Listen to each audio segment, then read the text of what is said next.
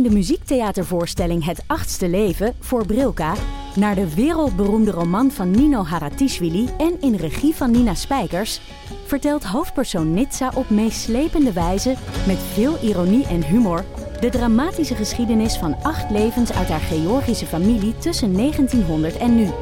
Een hartverscheurend en tegelijk troostrijk drama verteld vanuit het perspectief van vrouwen uit verschillende generaties. Waarbij het publiek meegenomen wordt op een emotionele, visuele en muzikale reis door de 20ste eeuw. Koop je tickets voor het achtste leven via oostpol.nl.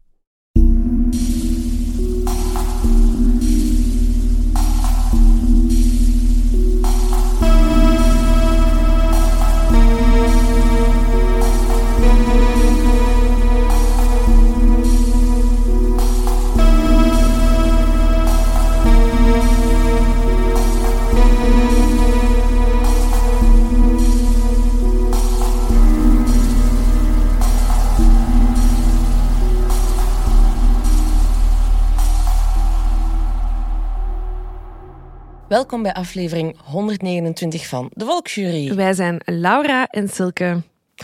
Hi girl.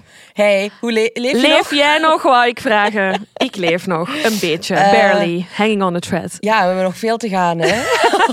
Eh, we hebben net er eh, vier lijstjes op zitten. Klopt. Heel leuk geweest. Pittig, zoals ze dat dan noemen. Pittig, Eh, ja. En nu afleveringen opnemen. Dus eh, we zitten in volle de volksjury-modus. Lifestyle. Zeker wel. Vond je het leuk, de live shows? Ik vond het superleuk. Ik ga wel eerlijk zijn. Ehm, ik was precies vergeten hoe leuk het is om voor een publiek Ja, te hè? staan. En, eh, sorry, het leukste publiek ooit. Jullie zijn zo enthousiast. Echt waar, wij staan... in- Weet, weet, weet, als je nog naar een live show moet komen en wij staan in de coulissen en die intro begint en jullie beginnen te schreeuwen en te klappen, Dan weten we dat goed dan zit. zijn wij... Dan, dan vloeien wij op dat podium. Dan zijn wij echt... Wij zijn echt al zo... Wij zweven van Een geluk. beetje zoals boten. Zo. Ja, ja, ja. Dan we slide on that stage. Amai, die handbewegingen nu. Heel goed, hè? Jammer dat jullie dat niet kunnen zien. Ehm, maar ja, het is... daarnaast hebben we toch nog wel een beetje een leven. Hè? Want wij hebben mijn verjaardag ook wel gevierd eh, in stijl, om het zo te zeggen. Vertel een keer, Mieke. Wel, ik heb lang geleden blijkbaar een keer tegen Laura gezegd dat ik graag wou gaan paardrijden. En she delivered. I delivered. Kijk, tegen mij moeten alles maar één keer zeggen. Maar dat is ook een probleem, want soms zeggen mensen dingen tegen mij en weten ze het zelf niet meer. Ja, dus de, eh, eh, vorige week dinsdag zijn we dat dan gaan doen. En Laura had alleen tegen mij gezegd: ik moet een fietshelm meebrengen, een jeansbroek die niet te strak zit en kleren die vuil mogen worden. En ik was helemaal door die fietshelm In de war. Compleet. Jij dacht dat wij zo gingen downhillen op een mountainbike of ja, zo. of zo quadrijden of zo. Oeh, Dat ja. was- dat, dat had ik even in mijn hoofd. En dan zo, echt, ik lag in bed de avond voordien op het punt te gaan slapen. En ik ben gewoon aan het praten met Aniek. En opeens dwalen mijn gedachten af naar die fiets. en ik zo, fuck, wij gaan paardrijden. En het was amazing. Het had alles wat het zijn moest. Ja, we hebben heel veel geluk gehad. Het was zonneke. Ehm Willy, alle twee op een paard. Eh, ook niet gesponsord, maar Horse Lovers Fun in Mol. Zieke aanrader. Echt, was heel leuk. Was heel Ja, leuk. twee uur op dat paard gereden.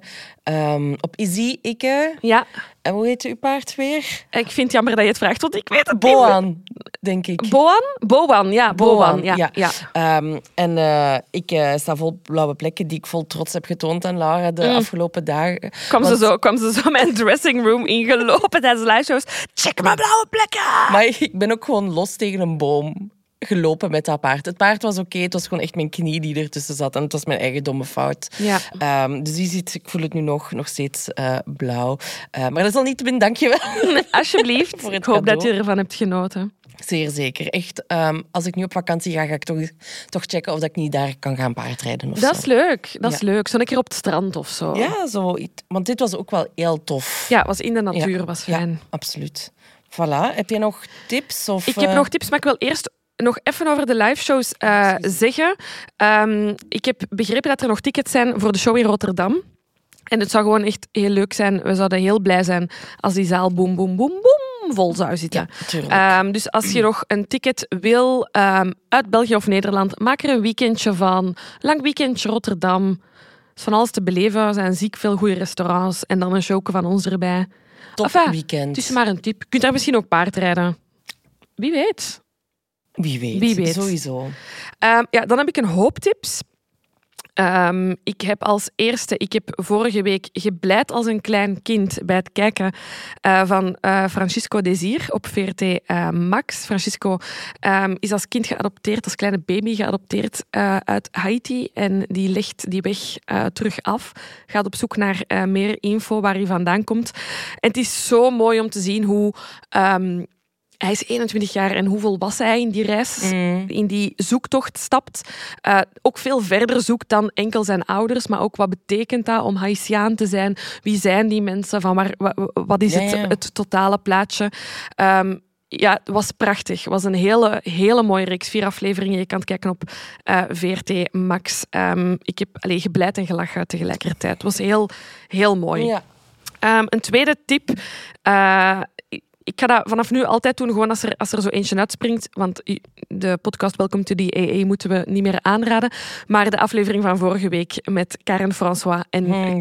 Camille de Bruyne. Ik heb twee uur lang gegierd Oh. in de auto. Zo leuk. Ook, bedoel, full disclosure, twee vrienden van ons. Maar eh, zo'n fijne mensen, zo'n creatieve breinen. En dat was zalig om daar eens twee uur naar te luisteren. Hij staat ook op mijn lijstje om nog eens eh, te luisteren voor als ik onderweg ben naar een volgende live show. Voilà, inderdaad. En dan een laatste tip die eigenlijk van ons twee is, Ja. want we hebben hem een beetje simultaan eh, bekeken. Dus de film op Netflix, Society of the Snow. Dat ik, mm, Ja, eh, so many thoughts. het is gebaseerd op een waar gebeurd verhaal van een rugbyteam in eh, Latijns-Amerika die een reis maken met het vliegtuig. En dat vliegtuig stort daar neer in de Het bergen. In het Andesgebergte, ja. En wat dat die mensen hebben moeten doorstaan, is verschrikkelijk. En het is waar gebeurd. En het is zo goed in beeld gebracht. Er is ooit al een film van gemaakt. Maar ehm, in de jaren tachtig, denk ik. Dat is Ja, een vrij oude ja. film. Ehm, maar ik heb hem samen met Aniek gekeken. En wij, waren, wij voelden ons ook zodanig claustrofobisch. Amai. Zoals die mensen zich gevoeld hebben. Dat echt heel goed in beeld gebracht. Ja, ja, wij ook eh, op een namiddag gekeken en blijft in je hoofd zitten. Ja, heeft heel lang nog in mijn hoofd gezeten. Staat ook. nu ook met stip op één om hier een aflevering over te maken. Zeker Ah, my. wel. Heel, echt waanzinnig. Ja. Waanzinnig. Omdat ik, ik ken, allez, we kenden de feiten denk ik wel al. Dus ik wist ongeveer hoeveel dagen het waren Ah, ja, dat ze ja, ja. aanwezig waren. Dat was ik dus al vergeten. Dus... Maar ik had mij vergist. Ah, ja, zie. Ik zat ergens halverwege en ik dacht... Oh nee, nee, nee, dit is niet wat ze... Echt waanzin. Ja. Ja. echt waanzinnig. Dus als je... eh, het duurt best lang, twee uur en een half, denk ik. Ja, maar het is echt... eh, De film is ook zo voorbij. Nee, maar ik zeg dat graag omdat ik ben ook die persoon die om 9.30 uur zo denkt, alleen nog een filmpje en dan wilde 90 minuten en klaar. Ja, dat is waar. Dat is waar. Max. Maar, is dus deze film is echt de volle twee uur en een half waard. Absoluut. Ja. Absoluut. Nee, en maar waar te zien? Netflix. Netflix, ja. Eh, en Espanol vond ik ook heel tof. Ja, goed, hè? Vond ik heel tof. Eh, dan hebben we nog eh, sponsors. Eh, deze week is dat als eerste HelloFresh. Ehm, ik heb het jullie vorige keer ook al gezegd. Ik heb toen lunchreceptjes besteld. En ik heb daar deze week enorm van genoten. Ik heb voor... Ja? Ah, wel, ja. Want Ah, wel, die- ja. hier ga ik weer. Hè. En ik weet het, maar ik, I love it. En ik sta echt graag in de keuken. Maar die lunchreceptjes, dat duurt niet super, super lang. Ehm, ik had een maaltijdsoepje dat ik dan heb eh, s smiddags gemaakt voor een liveshow gegeten. Zoals met pastatjes, kipje in, goed veel groentjes. Snel gemaakt, echt soepje opgezet, gaan douchen, beneden soepje opgegeten, mijn haar gedaan. En het paste perfect in mijn eh planningske. Dus ik heb vanaf nu twee receptjes lunch, lunchgerechtjes die ik in mijn box steek elke keer. Ah, Omdat ja, dan moet ik ook niet meer naar de winkel voor Nee, smiddags. je hebt gelijk. Superhandig. Kan. Heel leuk vind ik dat. Ehm, willen jullie ook lunchrecepten of iets anders? Alles is te verkrijgen op HelloFresh. We hebben een kortingscode voor jullie. Dat is in grote letters Hello de Volksjury. En daarmee bespaar je tot wel 90 euro op je eerste vier boxen. Enjoy. Oké. En dan de tweede sponsor eh, is Emma Matras. Ze zijn al eens sponsor geweest. Uh, we hebben vernomen dat er leveringsproblemen zijn geweest. Mocht dat nu nog het geval zijn, dan mag je contact opnemen met de klantenservice. Uh, maar sinds wij dus die Emma-matras hebben, de hybrids, mm -hmm. hebben wij, slapen we echt zoveel beter. Ik weet nog, voor die matras stond ik wel echt zo'n keer zo geradbraakt op. Ja, en we hebben het nu ook nodig. Hè? Elke, Ja. elke nacht telt voor ons. Ik moet ook zo bijna aan het rit- de ritmeveranderingen. Hè. Ik lig nu veel later pas in bed, omdat die liveshows pas eh, daar afgerond zijn tegen 11 uur, half 12 kan ik daar pas weg. Dus ik heb echt elke minuut nodig en het, het werkt voor mij alleszins echt heel goed. En het mag dan ook niet verwonderen dat producten van Emma Matras in de prijzen zijn gevallen, eh, waaronder enkele van testaankoop. Ze hebben zoal gewonnen de beste van de test en de groene keuze. En eh, ja, natuurlijk wilt jij ook zo'n fijne, goede matras. Dan kun je er eentje bestellen via emma-matras.be. En tijdens deze liefdesmaand krijg je tot wel 50% korting. Ik wil daar even tussen komen. Vanaf nu is februari liefdesmaand. Liefdesmaand gewoon, Ja. sowieso. Love. Dus hè, nu deze maand tot wel 50% korting. En wij doen daar nog eens 10% korting bovenop met de code de Volksjury 10. Dat is de Volksjury in hoofdletters en 10 in het cijfer in plaats van 5%. Ja, wij Dus geven jullie 5% extra Ja. love. Ik ging het net Oh, zeggen. sorry, oh, sorry. Wij zijn gewoon hetzelfde brein. Die code nog eens voor de zekerheid. De Volksjury 10. De Volksjury in hoofdletters en 10 in het cijfer. Wat leuk. Voilà. En je hebt de zaak gekozen? Ik heb de zaak van vandaag gekozen. Ehm, het is een true crime classic, denk ik wel. Ja, ik kende hem wel al. ehm, ja, ik ken het. Hij stond maar al ik weet niet hoe... hoe dat hij in uw leven is gekomen. Dat wel, via een andere podcast, maar daarvoor heb ik er nog nooit van gehoord. Dus ik weet niet hoe algemeen Ah, oké. de zaak is. Voor mij is het ook zo eentje dat echt al, echt zeker al drie of vier jaar op mijn lijst Ja. stond. In dat, in dat opzicht is het voor mij een true crime classic. Ehm, we gaan het verhaal van de familie ehm, List vertellen. Ehm, en ik begin graag in 1989. Daar wil ik even een kleine pauze houden voor we aan het verhaal beginnen. Want Nu al een pauze. een klein pauzetje. Nu, we zijn pas begonnen, maar weet je wat? Je moet voldoende rust pakken. Nee.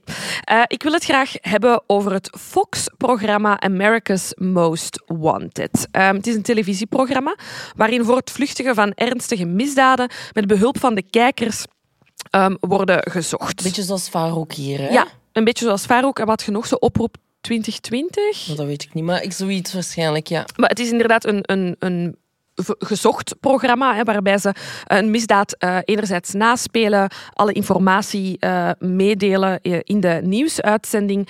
Ehm, en dan een, een, een oproep lanceren van heb jij misschien de gouden tip, weet jij meer, bel dan in. Ehm, wekelijks eh, levert dat 6000 telefoontjes op bij America's Most Wanted. En ehm, de tips leiden ook tot arrestaties en dat is gemiddeld één per uitzending. Dat is waanzinnig. Die, allee, ik dat dat, zijn veel. cijfers. Dat, ik, vind het, ik vind het ook waanzinnig. Maar ja, we hebben Farouk geïnterviewd voor ons boek. En die zei dat ook. Hè. Die, die Ja. houden daar echt... Allee, daar komt wel echt iets uit voort. Omdat die barrière ook kleiner is, hè? Om dan naar de politie te bellen, Ja. neem ik aan. Ja. En ehm, het is, eh, ik zei het al, 1989. Het is 21 mei. En Wanda Flannery die kijkt naar de show die avond. En ze kijkt... Item gepasseerd, item gepasseerd. En ineens schiet ze uit haar stoel. Er wordt gezocht naar een John. Maar de persoon die zij op het scherm ziet, is volgens haar haar vorige buurman Robert Clark. Ze is er zeker van, ze herkent hem. En dan doet Wanda, dat vind ik heel typisch vrouwen of oudere vrouwen, zij belt naar haar schoonzoon Ja, ja, ja. om ehm, aan hem het nummer van America's Most Wanted door te geven. En ze zegt, belde jij eens om te zeggen eh, dat, ik denk, dat ik denk dat het Robert Clark is. Ehm, en ik heb zijn nieuw adres, hè, want ze zei, hij is ondertussen verhuisd. Bel dan maar door naar eh, America's Most Wanted, ehm, want volgens mij is hij het. Oké, tot daar de pauze. Mhm. Want nu gaan we terug naar 1971. Absoluut, Silke. Ehm, 18 jaar dus voordat Wanda haar voormalige buurman herkent op de televisie. En we zijn in Westfield, New Jersey. En daar staat een gigantische Victoriaanse villa die eh, een, bijzondere naam heeft, maar die ben ik vergeten op te schrijven. Heb jij? Breeze Knall. Of Breeze Knoll, zo de, de silent Ah, is het een, de, de, de K is Ja, ik weet het silent. niet. Kan. Kan. Kan. Breeze Knoll of Breeze Knol? Briesknol. de Briesknol. En die villa, dat is toch wel zeker het duurste huis van de wijk. heeft 19 kamers, waaronder een gigantische balzaal. Er is een biljartkamer. Er is alles wat je maar kunt inbeelden, is daar volgens mij. Want wat moet je met weer zoveel kamers? Weet je, toen dat, ehm, Lucas en ik ons huis hebben gekocht, ehm, heb ik daar, dus tussen dat je dat koopt en dan effectief de sleutels Ja. krijgt, zitten een aantal maanden. En ik heb nachtenlang gedroomd dat wij de sleutels van ons huis kregen en dat wij een verborgen balzaal hadden en dat daar twee babyolifanten in rondliepen. dat heb ik nacht na nacht na nacht en die gedroomd. olifanten ook altijd Ja, erbij. die waren daar ook altijd in die balzaal. Oh, schitterend. Ik maar heb die- jammer. ja, ik heb die balzaal nooit gevonden. Wie weet kan nog, hè? Ik blijf hopen. Ik blijf hopen. Het huis is nog niet helemaal... Het is nog niet volledig gerenoveerd, Nee, dus misschien nog een klein deurtje of een plankje en ineens een ganse balzaal. En vooral ook die twee olifantjes die dan ook nog leven. En die, ja, die leven dan echt al honderd jaar verborgen in die balzaal. Ja. Oh, goed. Ja. Nu, wie woont er in die eh, gigantische villa?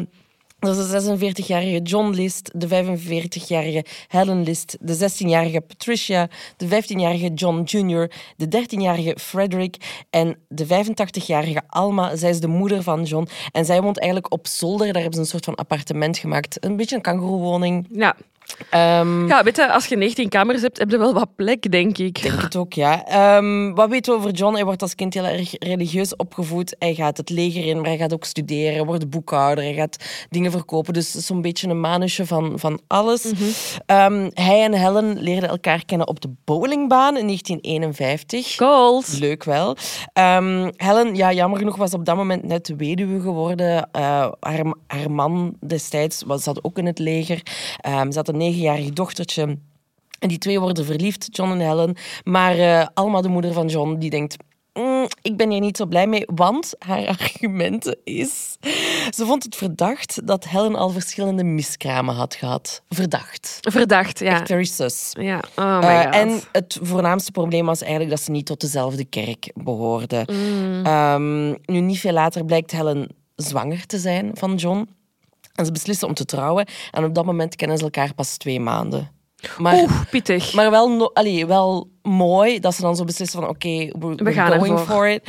Eh, maar wat blijkt dan? Eh, Helen geeft toe dat ze niet echt zwanger is eens ze getrouwd zijn. De- de- mm. Dat, dat ja, een beetje problematisch. Ja. Dus ja, dat ik is wel weet- heel veel moeite doen om getrouwd te geraken met iemand. Ja, en was het dat ze dan... Want ik heb daar geen argumenten voor gevonden waarom dat ze dat heeft gedaan. Dat ze terug hunkerde naar een, een gezin voor haar dochter. Of, en, en dacht van ja, ik kan dit niet op een andere manier doen dan zo.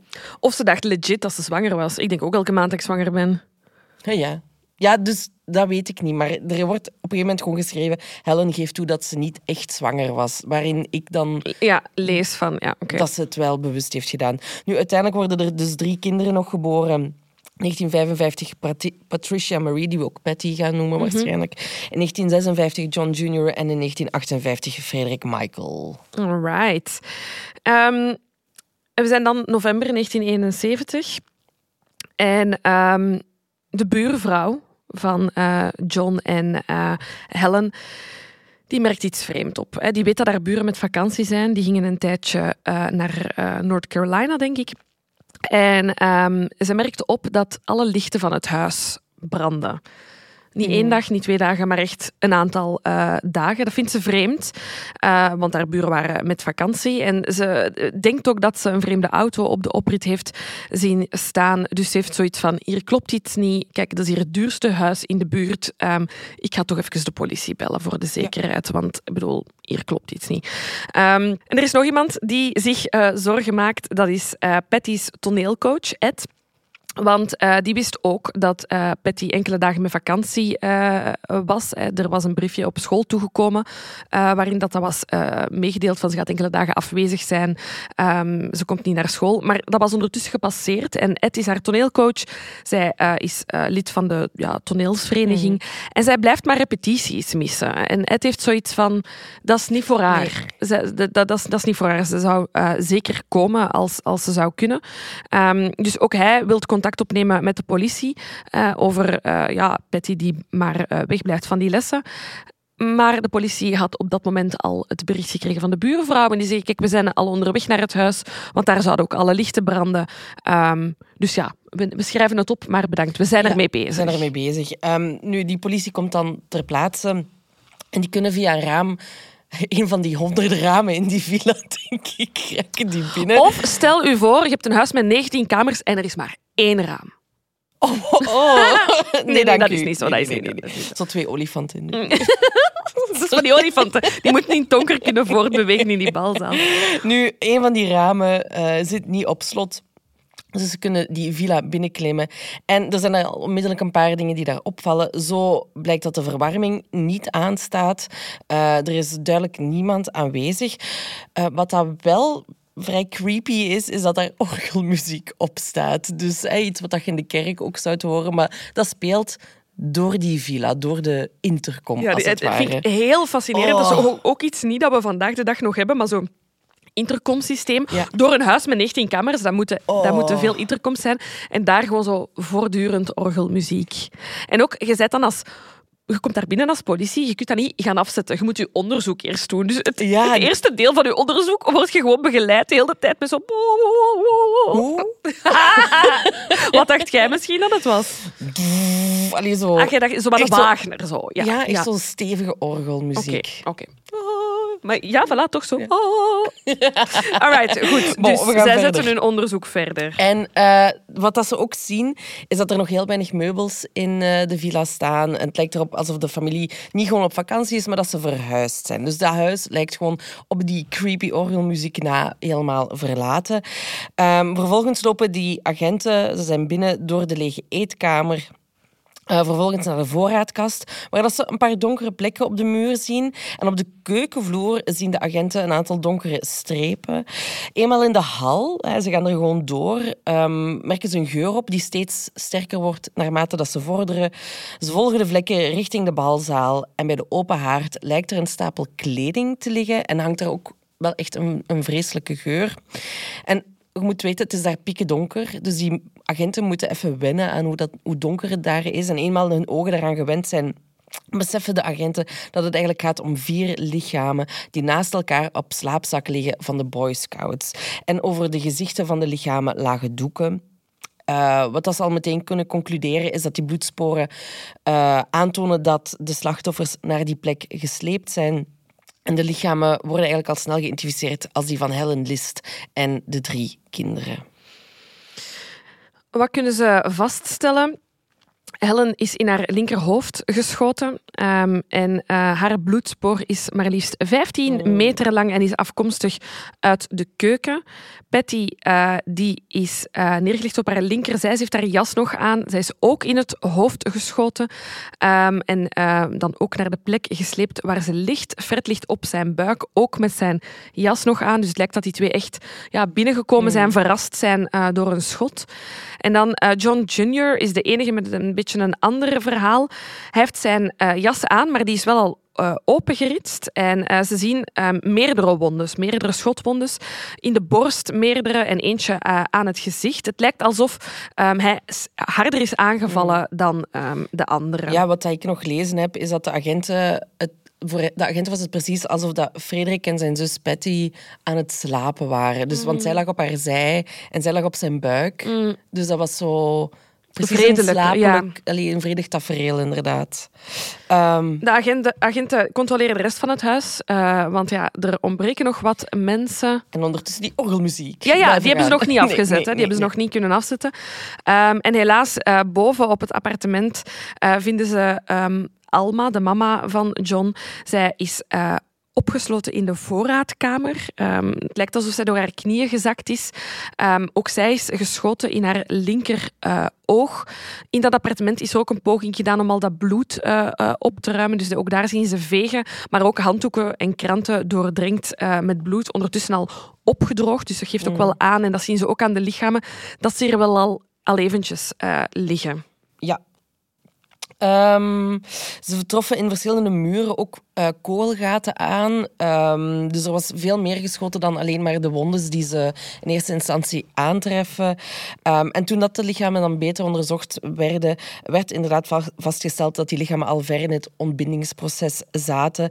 En ja, voor de agenten en voor heel de wijk uh, Westfield is het een complete shock, want het is de eerste moord of de, allez, in acht jaar. Mm nu, een van hun buren, die ook dokter is en ter plaatse kwam om die lichamen te identificeren, die laat weten van ja, kijk, maar er ontbreekt hier één iemand. En dat is John. Waarop er beslist wordt om zijn kantoor uh, te doorzoeken in huis. En uh, hij had daar een dossierkast staan en daar waren heel wat briefjes op geplakt. Um, en die waren allemaal gericht aan iemand anders. In de bovenste lade van die dossierkast troffen agenten twee pistolen aan en munitie. En dan nog in de bureaulade vonden ze uh, een heel grote envelop die geadresseerd was aan de pastoor van John zijn kerk. En in die envelop zaten checkboekjes, bankboekjes, verzekeringspolissen en belastingpapieren. Uh, maar er was ook een boek met uh, de oplopende schulden van John, vijf korte briefjes en een langere brief. Daarin betuigde hij, allee, in die briefjes betuigde hij medeleven aan de familieleden van de slachtoffers. Uh, gaf je advies aan medewerkers, eh, wat ik random, heel random vind. Ehm, en schreef je ook van, van ja, dit moet er gebeuren met uh, mijn familie. Hij had graag gehad dat die zouden gecremeerd worden. En in die brief naar de pastoor, die, die brief telde vijf pagina's lang, bekende hij eigenlijk van dat hij de moordenaar is geweest en hoe dat hij in detail eigenlijk ja, vertelde hoe dat hij die daad had gepleegd. En waarom ook? Hè? Hij zei van ja, mijn vrouw was ziek, ze had zich van God afgekeerd. Uh, mijn dochter had zich ook van God afgekeerd. Ik had nogthans zo hard gebeden, gebeden, gebeden, maar niks uh, bot een oplossing. En um, ja, hij was bang dat de zielen van zijn kinderen zouden verdorven geraken, waardoor, dat hij niet, waardoor dat zij niet in de hemel terecht zouden komen. Um, John zegt ook, en daar twijfel ik wel aan, dat de dood niet pijnlijk is geweest. Mm. En uh, hij zegt wel van ja, John Jr. heeft zich verzet, maar hij heeft ook niet lang geleden. Uh, en nadat hij die moord heeft gepleegd, is hij op zijn knieën gegaan en heeft hij voor hen gebeden. Um, en hij zegt ook nog van ja, dus de gedetailleerde instructies voor de crematie, omdat die diensten, allee, hij wou een dienst dat ervoor zorgde dat ze sneller de hemel zouden gaan. Dus er moest niet te veel poespas uh, bij komen zien. Um, hij zegt van ja, ik ben dankbaar dat ze allemaal christenen waren en als christenen zijn gestorven. En hij voegde er zo in een PS'je aan toe: uh, moeder ligt op zolder, ze was te zwaar om te verplaatsen. Duidelijk. Duidelijk, John, dank je wel. Dank u voor deze info. Um, ik, ik, vraag mij ook af, dus, uh, ja, dus hij had schrik dat zijn kinderen uh, ja, niet meer christen zouden zijn, hè, dat ze goddeloos zouden zijn. Ik vraag me af waarom hij zijn moeder heeft vermoord. Ja, omdat hij dan misschien getuige geweest zou zijn en daar dan ook maar mee komaf moest maken. Ja, ja, ja. Goed, er wordt een onderzoek op gestart. Um, enerzijds naar waarom uh, John dit heeft gedaan. Um, en die briefjes die hij allemaal heeft achtergelaten, ja, die geven al een goede indicatie. Want wat blijkt, uh, ja, John heeft heel veel schulden. Hij heeft uh, gefaald als zijn job uh, hij was verkoper van verzekeringen, uh, maar hij had enkele duizenden dollars schuld op dat moment. Hij liep achter met het betalen van de hypotheek van de woning. En hij had dat jaar nog maar 5000 dollar verdiend. Uh, dat lijkt mij niet voldoende om 19 kamers te verwarmen. Um, hij had uh, schulden bij zijn moeder. Zij had hem 10.000 euro geleend. En ik denk dat hij ook, dat, vermoed ik dat hij stiekem heeft gedaan, al haar spaargeld heeft opgedaan. Dat was 200.000 dollar. Ja. Dat is ook wel pikant, hè? Zo 10.000 dollar lenen en ondertussen 200.000 dollar ook opgebruiken. Okay, ja. ja. ik heb er nog over gevonden, net zoals bij de uh, Romain-familie, mhm. dat hij um, ook dus gewoon iedere dag vertrok in zijn pak en dan naar het station ging en naar de krant las en tot het weer tijd, tijd was om naar huis te gaan. Of uh, hij ging dan solliciteren, maar hij deed wel altijd alsof hij naar zijn werk ging. Dus dat was ook wel vrij duidelijk um, dat John van de ene job naar de andere job hopte, als het ware, maar ook gewoon ontslagen werd continu en zo. Dus financieel moet dat geen... Uh, is dat een kleine crisis geweest, denk ik daar. Ja, en hij zat er wel alleen mee. Dat lijkt me wel heftig, dat je dat niet durft zeggen. Nu, er is een reden waarom dat ze daar niet zo open over kan zijn, want uh, vrienden en familie worden ondervraagd en die zeggen dat het huwelijk tussen John en Helen best moeizaam uh, liep. Hè. Hij was daar ook eerlijk over. veel mensen duiden de moeder van John aan als ja, een beetje schuldige of degene die tussen hen twee mm. instond. Helen was, ja, toen ze elkaar leerden kennen, niet religieus. Uh, is een beetje geplooid voor John, maar had ondertussen na zoveel jaar huwelijk zoiets van: voor mij hoeft het echt niet. Ik wil niet elke week naar de kerk gaan. Um, na de geboorte van haar kinderen zou ze ook in een postnatale depressie gesukkeld zijn. Um, en die probeerde ze zelf te bestrijden met pillen en drank. Uh, en zij beseft ook dat die moeder van John altijd tussen hen gaat staan. Hè. Zij had geen goed beeld uh, van wie Helen uh, was. En John durfde niet tegen zijn moeder in te gaan. Um, dus dat woog zwaar op hun huwelijk. Ja, ik heb over Helen nog gevonden dat ze niet alleen aan de alcohol verslaafd raakt, maar ook aan de kalmeringspillen. Mm -hmm. dat ze daardoor ook amper naar haar kinderen begint om te kijken. Dat dat ook nog eens op John zijn schouders uh, terechtkomt. Dat Helen ook meer geld begon uit te geven, meer dan dat ze hadden. Hè. We zitten met die crisis bij, bij John, mm die, die zijn job de hele tijd maar kwijtraakt. En Helen bleek ook syfilis uh, te hebben. Een ziekte die ze had opgelopen door haar uh, eerste echtgenoot. En ja, ze heeft daar nooit actie in ondernomen. Dus die ziektes, die, die bacteriën blijven, zijn blijven ja. hoe zeg je dat? woekeren, woekeren in haar lichaam. En ik had het eens opgezocht, um, want het zou haar hersenen hebben aangetast, zodanig. Mm -hmm. En uh, syfilis vindt plaats in verschillende stadia. En bij het tweede stadia kan heel lang in uw leven zijn uh, zonder dat dat overgaat naar de derde. Maar als het in het derde stadium komt, dan kan uw ruggenmerg, uw hersenen, uw hart, uw bloed... sorry, ik ga dat even opnieuw doen. Uw ruggenmerg, uw hersenen, uw hart, uw bloedvaten en botten kunnen dan worden aangetast en ernstig beschadigd, beschadigd raken. Dit kan veel verschillende klachten geven, zoals psychiatrische problemen, verlammingsverschijnselen Zeg, ik kan niet meer spreken. Wat is dit? Zullen we de aflevering hier eindigen? Oh, jongens, de rest gedaan. gaan we moeten opzoeken. Verlammingsverschijnselen, gewrichtspijn en botontsteking, oorsuizen, doofheid en hartritmestoornissen. Dus dat zou misschien ergens ook een beetje het gedrag van Helen kunnen verklaren. Kunnen verklaren ja. Uh, maar ja, ze heeft daar nooit dus een dokter over geadviseerd. En ook John probeert haar nog wel te pleasen door dingen voor haar te kopen. Ook al heeft hij geen geld, of is er dat niet? Maar zij lijkt daar ook niet... Uh, Warm van, te worden. Nee, ik denk dat voor haar die relatie misschien ook niet meer was wat dat het ooit is, zijn, is, geweest. Uh, maar daar weet ik verder niet over. En, en voor John ook. We zijn nu ongeveer jaren zestig. De maatschappij is ook heel erg aan het veranderen. En hij is opgevoed geweest door zijn vader als van... Jij moet providen voor je familie. En ja, dat lukt allemaal niet. Raakt zo wat de controle kwijt. Hij wordt ook strenger naar zijn kinderen toe. En dat heeft ook een impact op hoe dat die kinderen uh, zich gaan gedragen natuurlijk. Hè. Ja, ja, want zo is er een verschrikkelijke gebeurtenis. Enkele oh. um, maanden voordat de twee, uh, voordat, de twee, voordat uh, John um, zijn hele familie uitmoordt. Want Patty, de oudste dochter, is een rebel geworden. Um, ze kleedt zich modern. Verschrikkelijk. Verschrikkelijk nee, nee, nee. Um, en ze was door de politie opgepakt op straat op, om middernacht, omdat ze aan het roken was. Had die politie niks beters te doen? Um, Nee, dus dat, dat, dat, dat is het gedrag van een rebellerende tiener in de jaren zeventig uh, dan blijkbaar. Uh, na middernacht nog wakker zijn en moderne kleren aan uh, hebben. Maar ja, voor John was dit heel moeilijk, want hij heeft inderdaad het gevoel dat hij de controle aan het ja. kwijtgeraken is over... Um... En, en, net door die religie, hij wil dat zijn kinderen in die hemel geraken en daarvoor mocht je niet roken en mocht je zeker geen moderne kleren dragen. Nee, en... Um, dan, vanaf dan denk ik, begint John zich wat voor te bereiden op uh, de daden die hij gaat plegen. Zo zou hij in oktober 1971 een vuurwapenregistratie hebben aangevraagd en hij geeft als reden op voor de bescherming van mijn huis. Um, maar ja, achteraf gezien is dat natuurlijk niet de reden waarom hij dat heeft aangevraagd. Ja, um, uit het onderzoek komt ook naar voren dat hij ook nog verschillende boeken had over hoe dat je een moord uh, kunt plegen en er dan ook nog mee weg kon geraken. Hij had blijkbaar ook met anderen erover gepraat dat hij als boekhouder wel snel een nieuwe identiteit kon regelen met wat gesjoemel hier en daar. Um, dan komen ze erachter dat zijn auto geparkeerd staat aan de Kennedy International Airport. Um, en dat hij daarvoor had betaald voor een langere periode. Dus hij had dat gereserveerd voor een bepaalde periode. En zijn parkeerticket was geldig vanaf 10 november. Uh, onder zijn naam uh, had hij geen vlucht genomen, maar zijn paspoort lag niet in die, in die villa. Um, en dat is ook het einde van alle sporen die er zijn, maar hij wordt alsnog aangeklaagd voor een vijfvoudige moord en het ontvluchten van een plaatsdelict over de staatsgrenzen heen.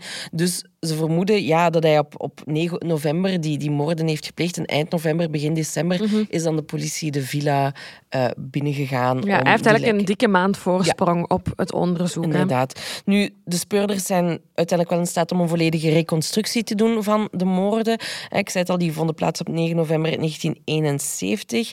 Nu, een aantal weken daarvoor heeft John zijn familie nog bijeengeroepen uh, en een heel subtiel gevraagd, een heel tactisch gevraagd wat voor begrafenis dat ze wilden hebben. Um, en ook had hij de leveringen van de kranten, de post en de melk uh, alvast stopgezet. En Patricia, of Patty, die is nog naar haar toneelcoach gegaan, Ed, en die heeft destijds gezegd van kijk, als ik ooit zogenaamd op vakantie zou zijn, dan is er iets goed mis. Omdat zij dat gesprek met haar vader over die begrafenis zo raar vond, mm -hmm. um, dat ze zei van ja, dan weet je dat er misschien iets aan de hand is. Nu, die 9 november uh, heeft John zelf, heb ik gelezen, eerst zijn kinderen afgezet op school. En eenmaal terug thuis uh, heeft hij gewacht tot de totdat de melkboer was gepasseerd. Uh, waarna hij Helen aantrof in de keuken die daar iets wou gaan ontbijten. Uh, hij heeft zijn pistool ongeveer 18 centimeter van haar hoofd op en schoot haar in de kaak. Ze heeft daar op de tafel geraakt en viel op de grond en was op slag dood. Um, ze was op dat moment een toastje aan het eten en die is in haar keel blijven steken. Um, de speurders vermoeden dat ze zelf nog heeft gezien dat hij dat wapen op haar heeft gericht. Um, maar ja, niks kon meer baten. Lijkt me heel gruwelijk, hè? Dat je nog één seconde ziet wat dat er uh, gebeurt. Ja. Uh, terwijl Helen op de keukenvloer ligt, um, neemt uh, John de trap naar de derde verdieping en hij stapt zonder kloppen het appartement van zijn moeder binnen. Um, zij is ook een toast aan het maken ontbijten. Hè, ja, ja brekkie. Um, en ze verschiet uh, van hij die binnenkomt. En ze vraagt ook onmiddellijk, wat was dat lawaai beneden? Mm. Um, waarop uh, John zijn pistool neemt en haar van dichtbij in het linkeroog schiet. Um, zij zakt eigenlijk door haar knieën en dat is ook de manier hoe dat ze uh, gevonden is. Um, hij stopt daar in het, uh, in, de, in het voorraadkot en hij probeert de vloer schoon te maken uh, met wat handdoeken en krantenpapier die daarachter worden gelaten. Um, hij keert terug naar beneden en hij neemt Helen in de keuken bij haar benen vast en hij sleept haar oh. door de centrale hal naar de balzaal, 15 meter ver. Um, hij heeft daar die slaapzakken opengelegd. En uh, hij legt haar daar uh, en hij bedekt haar gezicht met een uh, badhanddoek. Um, ja, zij probeert ook nog dat bloedspoor op te ruimen, maar er is zoveel bloed. dus waar te beginnen eigenlijk. Hè. Nu, daarop gaat hij naar zijn slaapkamer. Hij gaat op zijn bed zitten heeft zijn bebloede handen daar afgeveegd aan de lakens. Waarop hij naar de badkamer is gegaan en daar toch even misselijk is geworden van alles wat dat er aan was. Of van de stress. Ja. Uh, heeft daar moeten overgeven. Heeft daarbij een bloederige handpalmafdruk achtergelaten op de wc-deksel. Daarna dacht hij, toch even douchen. Heeft een nieuwe pak, een nieuw kostuum aangedaan. Uh, een stropdas ook aangedaan. En uh, de volgende stap uh, was van ja, oké, eigenlijk moet ik vandaag gaan werken. want John had op dat moment wel weer een job dus die heeft gebeld naar zijn baas of een bericht achtergelaten, alleszins. En hij zegt van ja, de vergadering uh, van vandaag, ik kan die niet bijwonen. Um, ik weet ook niet wanneer ik tijd heb voor een nieuwe meeting. Uh, want ik vertrek naar North Carolina, uh, want de moeder van mijn vrouw is ziek. Ja, zo houd je geen job. Nee, toch? Nee, toch? ik weet niet wanneer ik binnenkom. Gen Z was er toen nog niet. Dat had ik gezegd. Nu, um, heeft dan ook briefjes naar die scholen geschreven. Uh, en dan moest hij wachten, hè, want de kinderen, ja, die zouden ook zijn slachtoffer worden. Die zouden pas over een paar uur thuiskomen. Dus wat ging hij dan maar doen om de tijd te doden? Is zijn tuin harken in zijn pak en stropdas. Die mens. Het ding is, moest ik dat als buurvrouw zien, ik zou direct te flikken bij ah, sorry, mijn buurman staat in full kostuum. Maar ik heb, ik, als ik het goed heb gelezen, deed hij dat wel vaker, zo zijn gras afmaaien. Gewoon in zijn, in zijn nette kleren, hè. Die man droeg niks anders. Dat was allemaal, het moest allemaal goed Aesthetic, zijn ja. en, en, degelijk, ja. Heel raar. Maar heel onverwachts gaat de telefoon thuis.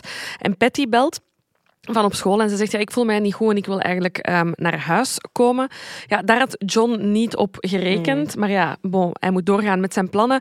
Hij gaat haar dus ophalen op de middelbare school. En John, eh, eenmaal thuis, haast hij zich om als eerste naar binnen te gaan om zijn pistool te pakken. En wanneer Patty binnenkomt, eh, schiet hij van dichtbij in haar achterhoofd. Dus zij zal het niet geweten hebben dat Nee. ze eh, werd aangevallen. Hij sleept haar ook met haar voeten naar de balzaal en hij legt haar op de slaapzakken. Ehm, hij bewast zich nog eens. Ja, hij had er waarschijnlijk niet op gerekend dat dat nog eens moest gebeuren, maar ja, hij hing weer vol bloed. Ehm, hij gaat nog boodschappen doen.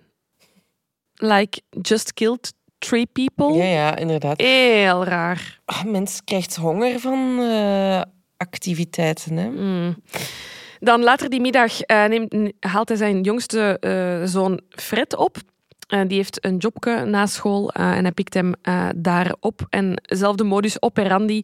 Hij stormt het huis als eerste binnen en ehm, schiet hem van achter de keukendeur. Ehm, in zijn hoofd ook eh, één kogel was voldoende. Weer hetzelfde, sleept het kind naar de balzaal en eh, legt hem eh, op de slaapzakken neer. Ja, en John Jr. die ging na school eigenlijk naar de voetbaltraining. Ehm, dus die werd pas later thuis verwacht. En ehm, ja, van zodra dat ook hij thuis komt, richt zijn vader een pistool op hem. Maar John is alert en die kan zijn, eh, ja, die dat pistool nog uit de weg duwen, als het ware. Maar ze beginnen te worstelen. En uiteindelijk, ja, John schiet ook al een aantal keer, maar hij mist. Maar uiteindelijk, ehm, ja, raakte, raakte een kogel toch John in de rug, achter de nek, en een andere raakte hem in het hoofd. Daarbij viel John, eh, hij brak zijn John Junior, laat ik het zo zeggen, en hij brak zijn kaak. Maar op dat moment leefde hij nog steeds. Dus die jongen heeft echt wel geweten Echt. Ja. wat er gaande was. Ehm, uiteindelijk is hij tien keer geraakt geweest eh, voordat hij dood was. Daarop heeft eh, John, zijn vader, John Jr., de balzaal ingesleept om hem bij de anderen te leggen. En dan heeft hij opnieuw elk gezicht met een handdoek bedekt. Waarop John dan eh, neergeknield is en gebeden heeft om hun ziel in vrede achter te laten. Dan rond de klok van zeven belt List naar, eh, John List naar de pastoor om te zeggen eh, hetzelfde smoesje dat hij eigenlijk eh, heel de tijd aan het gebruiken is. Dat ze de familie onderweg naar North Carolina, dat hij hen gaat vervoegen eh, en dat hij dus eh, deze week geen zondagschool kan geven eh, in de kerk. Ehm, en als laatste eh, begint hij aan die brieven, hè, die dat ze allemaal hebben teruggevonden, eh, die hij titelt Een paar woorden van John E. List, carrièrebouwer. Oh. Delulu noemen we dat in Maar, amai, echt 2024. Ehm, en hij ehm, eh, doet zijn bekentenis eh, specifiek aan die pastoor, omdat hij er eigenlijk zeker van is dat hij de enige is die hem gaat begrijpen. Hij geeft in die brief ook mee dat hij er ook vrij zeker van is dat God hem gaat vergeven, want ehm, Christus is eh, voor hem en alle andere zondaars eh, gestorven. Ja, op wie dat je dan alles maar mocht doen, want Jesus Christ himself. Sorry, ik denk dat ik soms wat meer die instelling moet hebben. Ja, hè? Ik, was ook Ik voel mij schuldig over alles. Ik was even vergeten dat Jezus voor mijn zonde gestorven was. Maar goed, dank u voor de reminder. Voilà, nee, kijk. Ehm, maar hij had opnieuw honger toen, hè? Eh, nadat hij al die brieven en toestanden had eh, geschreven. Heeft wat eten te klaargemaakt. En dan is hij gaan slapen in de biljartkamer in de kelder. Eh, en dat is eigenlijk niet zo ver van de balzaal, eh, waar dat zijn familie natuurlijk lag. Ehm, en toen John wakker werd, heeft hij dan de thermostaat op 10 graden gezet. En deed hij het licht aan in elke kamer. En heeft hij ook de muziek dus opgezet. Maar why? Ja, want je denkt zo, thermostaat op 10 graden, dat is zo ultimate dad move als je op vakantie gaat. Toch even die thermostaat Ja. op vriespunt zetten. Eh, zodat je zeker je verwarming niet moet betalen. Maar die Maar dan wel al die lichten aan en die muziek aan. Of had hij dan toch gehoopt dat er sneller actie zou ondernomen worden door de buren? En dat denk ik wel, hè. Ehm, daar kom ik straks op terug. straks daar kom ik straks op terug. Ehm, wat neemt hij mee, Silke? Laura, hij neemt... hij neemt... Zelf dikke Oké, oké, oké. Hij neemt nog bijna 2500 dollar mee op zak. Een paar kleren en een koffer. En daarmee is hij weggereden naar een nieuw leven. Ja. De politie is ook best zelfzeker. Die denken dat John zichzelf gaat komen aangeven. Ja. Die denken, dit kan niet lang duren. Ik weet niet of ze beseffen dat hij al meer dan een maand weg is. ehm, maar zij denken, die komt, die komt wel weer boven. Die gaat zichzelf aangeven. Ehm, en ze schakelen daarbij de hulp van meneer Pastoor in. Ehm, ja, ik snap wel dat ze hem inschakelen, aangezien dat hij de enige ja. is die hem zou begrijpen. En dus die pastoor stuurt een bericht de wereld eh, uit, ehm, eh, in de wereld, eh, waarin hij vraagt om terug te komen en om contact met hem op te nemen. Uiteraard om dan daarna ehm, te kunnen worden overgeleverd aan de politie. Ja, dat- door die wagen op de luchthaven en dat paspoort ehm, denken ze, vrezen ze dat hij misschien zelfs het land is uitgevlucht. En ehm, ergens denken ze dat er ook nog een greintje spijt in hem zit. Dus de FBI ehm, gaat anoniem naar de begrafenis. Omdat ze denken misschien ehm, gaat hij er eh, nog ergens opduiken. En we zien dat zo soms in, in films. Hè, dat zo Mm, op een ja, ja. kerkhof iemand achter een boompje eh, staat te loeren. Eh, maar dat levert niks op. Opvallend detail. Dus in zijn brief had hij gezegd dat ze gecremeerd moesten worden. Hebben ze niet gedaan. Nee, het is een gewone begrafenis geworden. Maar dat vind ik wel heel goed, omdat hij hem ook nog extra zou kunnen triggeren, natuurlijk. Zo van, mhm. Ehm, de FBI die maken Most Wanted posters eh, van John met zeer gedetailleerde beschrijvingen. En met gedetailleerde beschrijvingen bedoel ik zeer gedetailleerde beschrijvingen. Er staat op hoe hij eruit ziet, maar ook dat hij aanbijen heeft.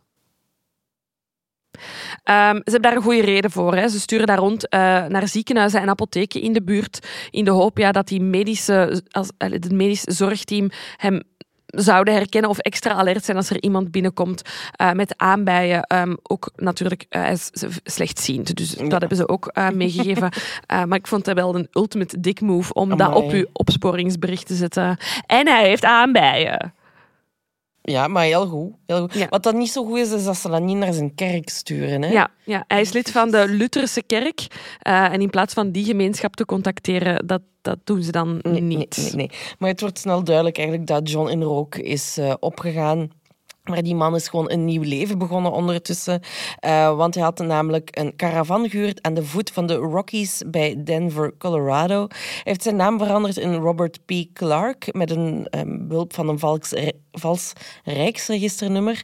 Ehm, daar, daarmee kan hij ook werk vinden. Eerst als nachtkok in een Holiday Inn. En wat later is hij een hotelassistent-manager geworden. En dan weer boekhouder. Nu, Ik geloof echt dat je dit enkel in de jaren zeventig nog kon. ja, nee, nu onmogelijk, lijkt me dit. Eh, vier jaar later, in 1975, voelt John zich toch weer... Hè, dus vier jaar later. Dus die man vier jaar. Ehm, voelt John zich toch moedig genoeg om lid te worden opnieuw van een kerk. Dus ja, die mensen hebben daar nooit die affiches ontvangen van de FBI. Dus die mensen eh, weten van niks. Ehm, het jaar daarop gaat hij opnieuw zijn rijbewijs halen. Hij kocht een auto. Ja, kan allemaal blijkbaar dan. Ehm, en heel nobel van hem, hij gebruikte die auto om oude en zieke leden van zijn kerk naar de plaatsen te rijden waar ze heen moesten. En eh, ook werd hij lid van de financiële raad van zijn kerk. Straf. Eh, Het ding is, ik vind dit waanzin, want hij is natuurlijk... Ja, hij is, wat was het, wat, 47 jaar, 48 jaar Ja. op het moment van de feiten. Je moet helemaal opnieuw beginnen. hè. Ik zag ook dat van haar rijbewijs. Ik was zo, maar die heeft toch... Ja, nee, tuurlijk. Deze persoon heeft geen rijbewijs. Deze persoon heeft geen diploma's. Dus die moet starten als nachtkok in een hotel. Ja, of je moet ergens documenten nog kunnen vervalsen van Ja. diploma's of weet ik veel. eh. Maar kun jij het je voorstellen dat je een nieuw leven start en zo... Ah, putain, Dat opnieuw dat rijbewijs. dat is echt... Echt, geef mij eender welke andere job, maar ik doe niet opnieuw mijn rijbewijs. Nee, nee. Ik, ben- ik ben sowieso gebuist. Ja, denk het ook, ja. Oh, heel, heel, heel, heel moeilijk vind ik dat. Vooral dat rijbewijs. Dat rijbewijs. Bon, hij wordt ook opnieuw verliefd. Hè. Eh, hij leert een gescheiden vrouw kennen, Dolores Miller. Ehm, en eh, ja, voor haar begint hij toch een, een beetje een nieuw leven. Hij ruilt voor het eerst hè, die stropdas en dat pak eh, voor een jeans en een overhemd. Oeh, wild. Hij volgt samen met haar square dancing lessen. Heerlijk. Love it. Ehm, wat vertelt hij tegen Dolores? Dat zijn vrouw aan kanker is overleden. En ehm, hij laat eigenlijk nooit een foto van haar zien. Ehm, ik vraag me af of hij dat ook mee heeft, een foto van zijn vrouw. Ja, nee, dat zal wel niet. Denk ik. Eh, heel eh, raar. En in 1985 eh, trouwen dus de dat twee. is weer tien jaar later dan toen hij lid is geworden opnieuw van de kerk. Ja, hè? Dus ja. er gaat zoveel tijd overheen. Ik vraag mij af of je nog elke dag denkt, ik ga betrapt worden, of niet. Ik denk dat wel. Ja? Dat zal, dat zal minder gaan knagen of zo, maar ergens is er toch nog wel een stemmetje dat, Elke dag zegt, dat elke dag zegt. ze, gaan, ze komen mij halen. Ja. Hmm. Denk ik wel. Nu, ehm, maar het is daarna weer miserie, want John wordt opnieuw ontslagen.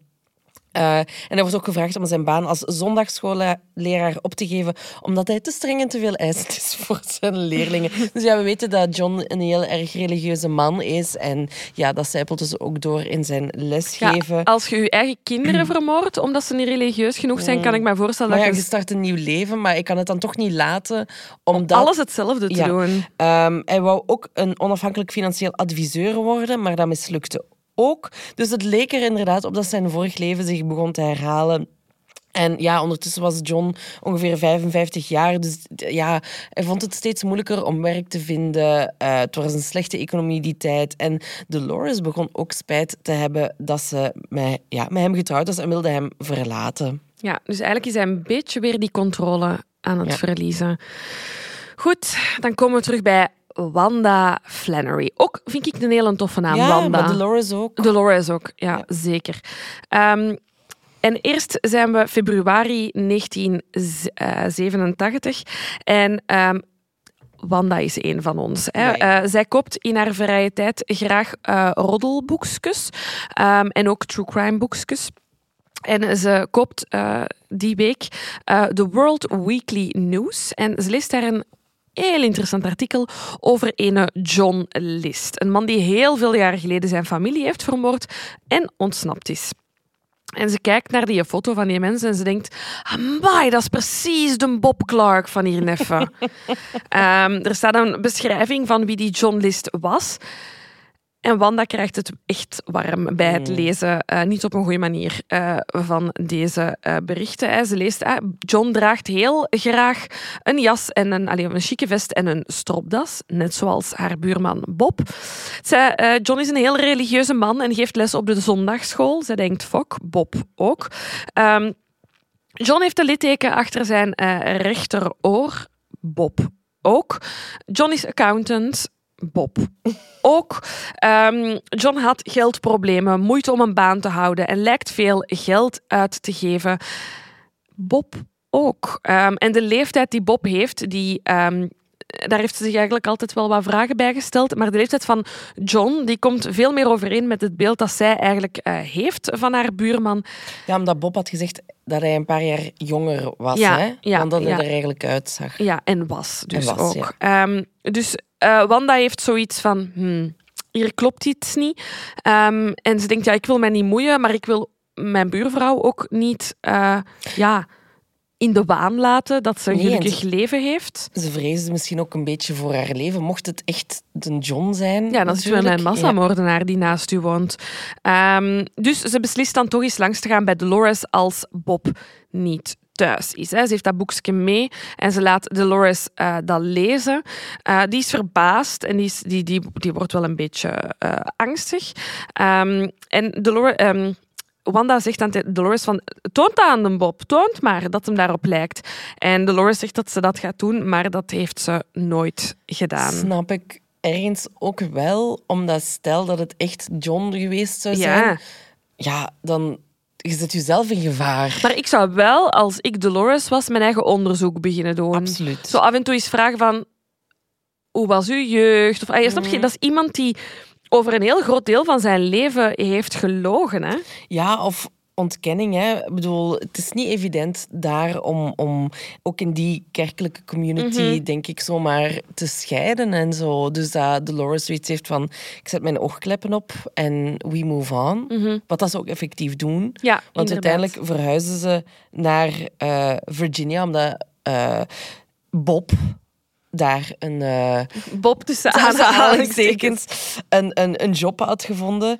Ehm, maar Wanda bleef zich daar wel ongemakkelijk bij voelen. En dat brengt ons dan terug bij America's Most Wanted, twee jaar later. Want de speurders die willen die zaak in dat programma krijgen. Hè. Ze zijn nu al 18 jaar verder en er gebeurt niks. Maar de producers van het programma die vinden de zaak te oud. Ehm, gelukkig komt er een producer bij zinnen en die wil er toch nog een segment aan wijden. Ehm, en ze hebben geluk, want op dat moment leefden alle getuigen ook nog en die willen ook allemaal een verklaring geven voor dat segment. Het enige probleem is dat er geen recente foto van John is. Ehm, toch een erg belangrijk element als ze tot een arrestatie zouden willen komen.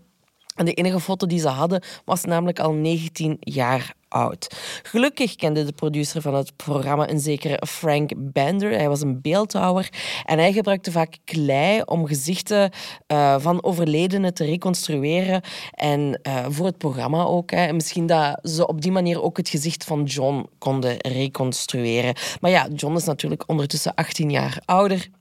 Dus ze halen er een criminoloog bij. En uh, zij speculeren eigenlijk van, kijk, zijn leven daarna was ook best wel saai. Dus die man gaat niet zo hard veranderd zijn, buiten dat hij misschien wat dikker is geworden, dat zijn huid wat meer is gaan hangen. En gewoon ouderdomsverschijnselen. Uh, De haarlijn die naar achter is gegaan. Um, gaat er niet veel veranderd zijn. Hij heeft nog steeds dat litteken en hij zou zich volgens die criminoloog en Frank Bender ook nog steeds conservatief kleden. Dus ze maken een beeldhouwkunstwerk. Ik heb een foto voor Ja, je. graag. Eén van de twee is John en één van de twee is de bust.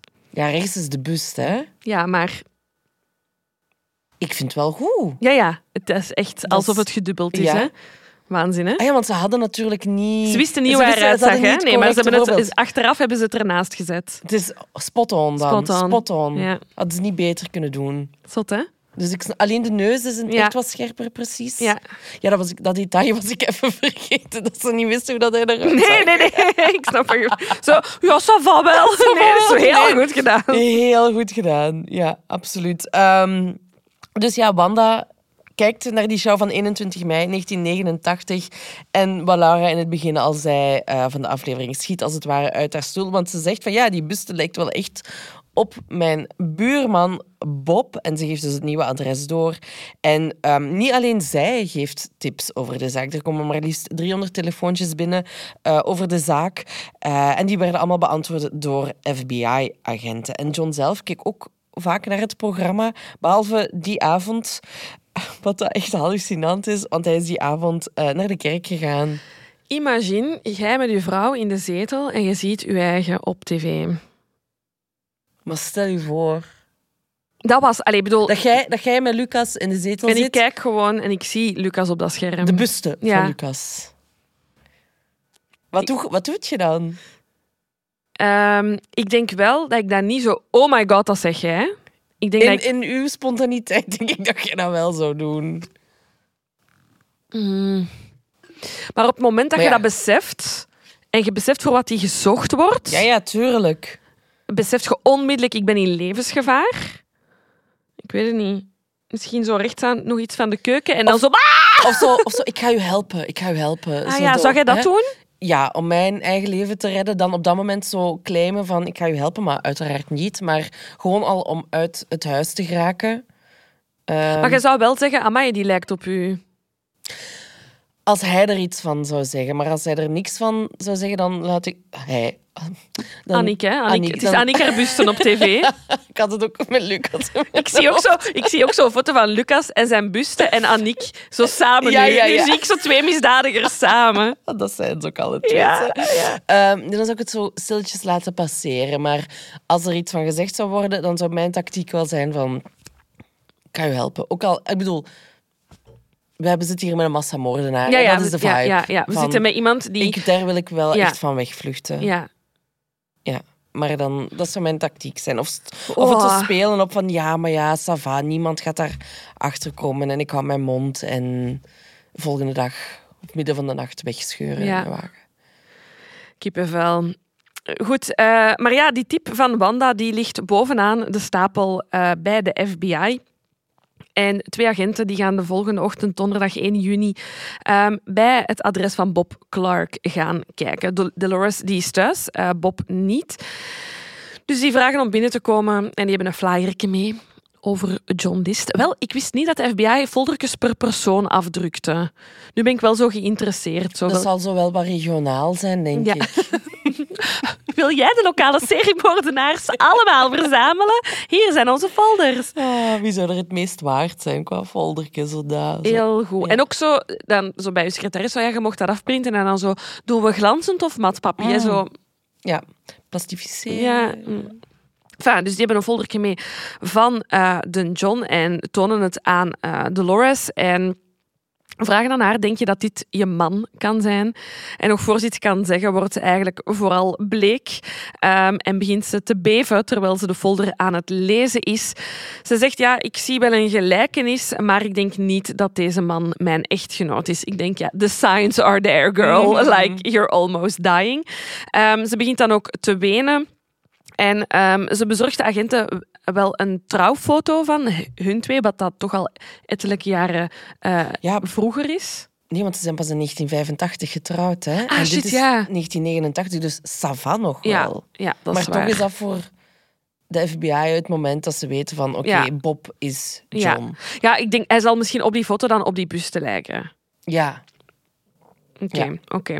ja, want dat hadden ze tot nu toe nog niet natuurlijk. Nee, ze hebben Dat geen foto. Ja, ze hebben ja. geen foto van hem. Ehm, dus zij zien inderdaad een match. Ze vragen voor de zekerheid nog eens naar dat litteken, ehm, waar haar man vandaan kwam, wat voor werk hij deed. En ja, it ticks all the boxes. Een van de agenten blijft thuis bij eh, Dolores en de andere die rijdt naar het kantoor van onze Bob Clark. Waarschuwt twee andere agenten, dus ze zijn daar met drie. Ze komen met drie het kantoor binnen, zien Bob en die kijkt niet verbaasd wanneer ze hem vragen: Ben jij John List? Hij antwoordt zonder aarzelen nee, alsof hij dit antwoord mentaal jarenlang heeft geoefend. Ja. Ze nemen hem mee naar kantoor, geven eh, hem de opdracht om zijn vingerdrukken af te geven en dat is een match. Dus hij wordt vastgehouden zonder borg. Ehm, Dolores ondertussen die schakelt een advocaat in en iedereen die het wil horen, daar vertelt ze aan dat John List niet haar echtgenoot is en dat hij zeker deze dingen niet gedaan heeft. John slash Bob die pleit ook niet schuldig.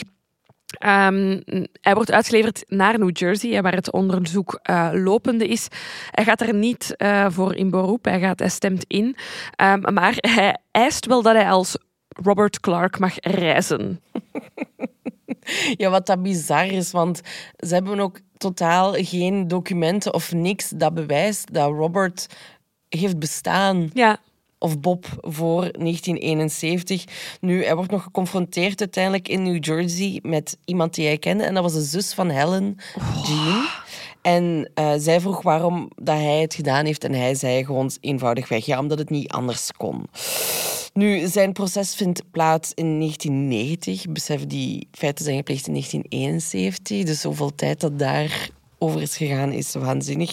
Nu, in eh, de openingsverklaring zegt de advocaat van John dat hij inderdaad gedaan heeft waarvan hij wordt beschuldigd.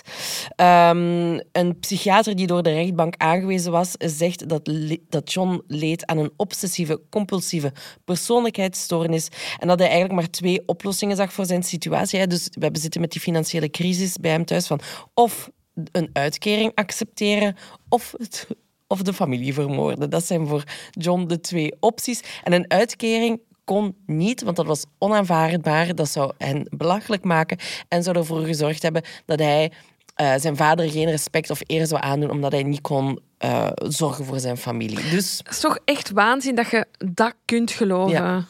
ja, dat is bizar. Ja. Eh, nu, uiteindelijk wordt hij op 12 april 1990 veroordeeld voor vijf moorden met voorbedachte raden. En tijdens zijn strafbepaling ja, neemt John ook nog steeds geen verantwoordelijkheid op voor wat hij heeft gedaan. Hij zegt, ik heb het gevoel dat ik vanwege mijn geestelijke toestand op dat moment niet verantwoordelijk was voor wat er gebeurde. Ik vraag alle betrokkenen om vergeving, begrip en gebed. Maar de rechter was daar niet van overtuigd, want die zegt, John Emil List heeft geen spijt en is een man zonder eer. Na 18 jaar, 5 maanden en 22 dagen is het nu tijd voor de stemmen van Helen, Alma, Patricia, Frederik en John F. List om op te staan uit het graf. Ehm, dus hij krijgt vijf keer eh, levenslang en hij moet die opeenvolgend eh, uitzitten, wat ook de maximaal toegestane straf was in die tijd. 18 jaar. Eer dat ze hem hadden, ja. Ik vind dat waanzin. Maar ja, kijk, het bewijst wel dat zo'n programma's werken. Hè? Absoluut. Er, er- er was, was iedere aflevering was er een arrestatie. ehm, ja, dus het werkt wel. Het werkt wel. Ik vind het gewoon zot dat het nog zo lang geduurd heeft dan. Ja, Om, allee, om hem in dat programma te krijgen, wil ik zeggen. Hè. ja want Dat zijn waarom- zo'n waanzinnige ik feiten. weet ook niet wanneer, vanaf wanneer dat programma is begonnen, Mm. natuurlijk. Ehm, Ah, misschien is het dan. Wacht, hè. heb ik dat in het begin opgeschreven? Van ja, 87. sinds 88. Ah, ah, voilà. Dus het programma was nog maar een, een jaar op televisie eh, toen dat John zijn zaak erin voorkwam. Dus eigenlijk is het dan nog wel vrij snel in het programma Ja. geraakt. Al hebben ze er wel een beetje moeite voor moeten doen. Ja, ja, maar die buste, ja, bon, we gaan hem sowieso delen. Ja. Waanzin. Ja, Waanzin. absoluut. Ehm, ja, wat is er dan daarna nog eh, gebeurd? Het lijkt eh, dat hij, eenmaal dat John in de gevangenis zit, iedereen hem een beetje vergeten is. Maar dat is eh, buiten de televisiejournaliste Connie Chung gerekend. Zij heeft een programma op ABC, Downtown. En in maart 2002 interviewt zij John voor haar programma. Zij wil meer info, ze wil hem eh, aan het woord laten. En in dat programma geeft hij onder meer een beschrijving over eh, hoe hij iedereen heeft eh, neergeschoten. Zo komen we die details te weten dat zijn vrouw inderdaad een toast aan het eten was. Vertelt hij zonder te verpinken dat hij honger had nadat hij de feiten heeft eh, gepleegd. En laat hij ook weten dat hij zijn moeder gekust heeft voor hij haar neerschoot. Ja, dus hij zal haar niet onmiddellijk hebben neergeschoten. Ja. eh, Zoals in de recon- reconstructie gezegd. Ja, Eh, maar hij zal misschien een paar keer geschoten hebben en haar ergens daartussen hebben. gekust hebben. Ja. Ehm, ik vind het opvallend dat je dat over je moeder zegt en dan niet over je vrouw. Ehm, veel vragen. Mm. Ehm, eh, Chung stelt de riskante vraag waarom eh, dat hij niet eerder zelf zijn... als hij toch niet kon leven met de, met de schaamte om financiële hulp te krijgen, eh, waarom dat hij dan zijn eigen leven niet gewoon heeft weggenomen. Dat is zeer kort door de bocht. Ehm, maar hij zegt zelf, eh, heeft er, hij vindt het zelf geen rare vraag en hij heeft er ook een heel helder antwoord op. Hij zegt van ja, als ik mijn eigen leven zou ontnemen, dan zou ik niet welkom geweest zijn in de hemel. Mijn familie maakt daarentegen een betere kans om in de hemel terecht te komen eh, als vermoorde personen. En ik ook als moordenaar ga wel nog in de hemel terechtkomen als ik maar vergeving vraag. Eh, dus voor hem was dat een zeer eh, logische keuze. Tijdens het interview spreekt hij eh, over zichzelf in de derde persoon in plaats van ehm, ik. Ja, lijkt mij. ja, bon, again, ticks all the boxes dat er iets mis is met deze man. Ehm, wat hij verklaart, en dat vind ik interessant, is dat hij zelf dacht dat hij heel snel gepakt ging worden. Ehm, dus ik vermoed inderdaad dat hij dacht dat ze van zodra dat, dat briefje zei van we zijn enkele dagen weg, ik denk dat hij dacht dat ze dan al gingen beginnen zoeken, maar dat is dan eh, niet gebeurd. En toen dat hij dan zelf doorhad dat ze hem maar niet vonden, ehm, voelde hij zichzelf ook niet verantwoordelijk om zich aan te geven. Het is de taak van de politie om mij te pakken. Dat snap ik wel. Dat hij zichzelf niet is gaan nee, aangeven. Ja, nee, ik zou dat ook niet doen. Als ik, allee, ja. Maar het is waanzin dat hij dat Eh, zegt. N- niet hè. van ja, het is de taak van de politie, maar ik begrijp wel dat hij zichzelf niet is gaan aangeven. Want ik bedoel, al die maatregelen die hij heeft genomen, is toch ook om niet gepakt te kunnen worden. Ja. Ehm, zijn leven in de gevangenis, tot slot.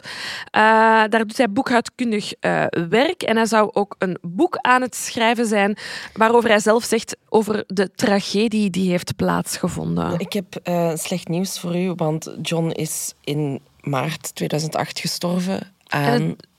Syfilis? nee, helaas. eh, complicaties van longontsteking. Dus hij was 22, 22 82 jaar. En is dat boek er ooit gekomen? Dat weet ik niet. Oh, ik jammer. Ehm, wat dat ik nog heb meegekregen uit dat interview, Mhm. is dat hij toch ergens een zekere mate van berouw voor zijn misdaden had. Hij zou gezegd hebben, ik wou dat ik nooit had gedaan wat ik deed. Sindsdien heb ik spijt van mijn actie en gebeden om vergeving. Maar dan denk ik van ja, heb je enkel spijt vanwege uw religie, omdat je nog in die hemel wilt geraken? Mhm. Of zijn je echt, heb je echt van die binnen berouw? Want wat, is uw motief om die spijt te hebben? Ja, en het ding is, het is ook. ehm, ik vind het altijd moeilijk als je zo'n moord helemaal uitkiemt. Het is geen eh, vlaag van waanzin. Waarbij dat je ineens iemand neerschiet en denkt: Fok, wat heb ik gedaan? Ik bedoel, je hebt dit gepland, je hebt een wapenvergunning aangevraagd. Eh, ja, Misschien had hij ondertussen ook syfilis. Ik weet, eh, I don't know, maar ik geloof, ik vind het altijd heel moeilijk als je zo een moord met voorbedachte raden, dan zijn er heel veel momenten voor mij waarop die spijt al kan Mm. Ja, komen ja, piepen. Tuurlijk, absoluut. Het is nooit te laat om daarmee Te stoppen. Nee. Tot daar. Ehm, ik heb nog één dingetje. Het, de villa, ons met 19 kamers, is eh, eh, negen maanden na de moorden afgebrand op 30 augustus 1972. Ehm, de oorzaak bleek eh, iemand te geweest te zijn die een brandstichter was, maar ze hebben nooit gevonden wie die persoon was. Nee. Misschien maar beter zo, hè? want één, is een fucking groot huis. Wie koopt dat? Als daar... Allee, Je Ja. hebt al een heel beperkt cliënteel die 19 kamers nodig hebben. En dan ook nog eens waar vijf mensen vermoord zijn. Nee. Vijf? Vier? Zes? Wacht, Helen, Patty, Frederick, eh, John. John. Jr., Alma, vijf. Toch vijf, oké. Ja. Ik had schrik dat ik iemand vergeten was. Nee, nee, dat is oké. Eh, nee, voilà. Ehm, heel fascinerende case, vooral omdat, ja, als dat voor America's Most Wanted niet was geweest en niet voor Wanda, die op dat moment naar RTV aan het kijken was, dan had die man rustig zijn leven kunnen leven. Ja, eh, want ik denk inderdaad na 18 jaar... Oké, je, je leeft nog wel in angst, maar je bent veranderd. Je woont in een andere staat. Internet bestaat nog niet. Ik bedoel... Nee, maar misschien mocht... Ja, hè, we zijn nu anno 2024. Je ziet dat er toch alweer heel veel cases van destijds zijn opgelost. Maar Ehm, dan had hij niet gestraft geweest. Ja, hij was al dood geweest. Ja. Hij, is, is- hij is gestorven in 2008. Ehm, maar wie weet wat voor doorbraak er nog geweest zou zijn om hem toch toen ook gevat te kunnen hebben. Eh, maar bon, kijk, beter luid dan nooit. Ik vraag mij gewoon af in die 18 jaar en vooral eigenlijk in dat huwelijk met die Dolores, verspreekt je nooit? Echt, maar gewoon zo, je bezoekt iets en zo. Ik ben, daar al, ik ben hier al eens geweest, of ah, vorige keer was dat, hoezo? Snap je? Ik vraag mij af, hoe leeft je je leven? Ja, maar ik denk dat hij, hij, hij is echt wel naar een andere staat verhuisd, twee keer. Mhm. En ja, als je daar nooit bent geweest, ja, dan, heb je, dan kent je daar niemand, weet je daar niks zijn. Ehm, en zolang dat je daar blijft... Ja, maar toch zodat je eens een herinnering, dat je iets ophaalt en je verspreekt. Ik kan me gewoon niet voorstellen. Het zou mij overkomen, ja. Dat ik. Na een week verspreek ik mij. Ja, zeer zeker. Heel zot. Ik, wist- ik had alleen nog graag geweten hoe dat hij daar in eh, Denver is geraakt. Of dat hij effectief gevlogen heeft. Want hij had een Ja. paspoort. En hij had geen wagen, want Nee. zijn... eh, maar ik denk dat hij misschien een auto gehuurd heeft. Misschien al die, eh, die, zijn nieuwe naam, dat hem die wel al had. En daar een vals paspoort mee. Ja, en zijn rijbewijs, of ik weet het niet. Ehm, nee, ja, goede vraag eigenlijk. Daar heb ik Dat geen antwoord op. daar had ik, graag, dat had ik graag nog geweten. Allee, niet, niet om te weten van hoe, maar gewoon, dat is wel heel uitgekeken. Dat is wel een, een duidelijk plan. Absoluut, ja, ja. En terechte straf, vind Ja. ik dan ook. Ja, dit ja, is zo, zeker. Dit is zo gepland allemaal. Ehm, nee. Ik vond het ook heel interessant. eh, ik had er nog kort over gelezen, omdat we, we, spreken vaak over seriemoordenaars, maar dit is dus een massamoordenaar. Ja. Omdat hij vijf moorden op, op één plek eh, pleegt ehm, en daarna, voor zover we weten, geen moorden meer eh, pleegt. In plaats van een Interessant. seriemoordenaar. Nee, Ja. klopt. Heel interessante case, vond ik Oké. dat. Bedankt om te luisteren allemaal. En wie dat er in Gent bij is, tot vanavond. Tot vanavond Of in Gent. morgen of overmorgen. Ja. Eh, wij gaan er ook weer van genieten. Hè. Ja. Bye, Bye. Nog even over die grootse en epische muziektheatervoorstelling. Het achtste leven voor Brilka is een marathonvoorstelling van 5 uur. Koop je tickets voor deze bijzondere theateravond via oostpol.nl.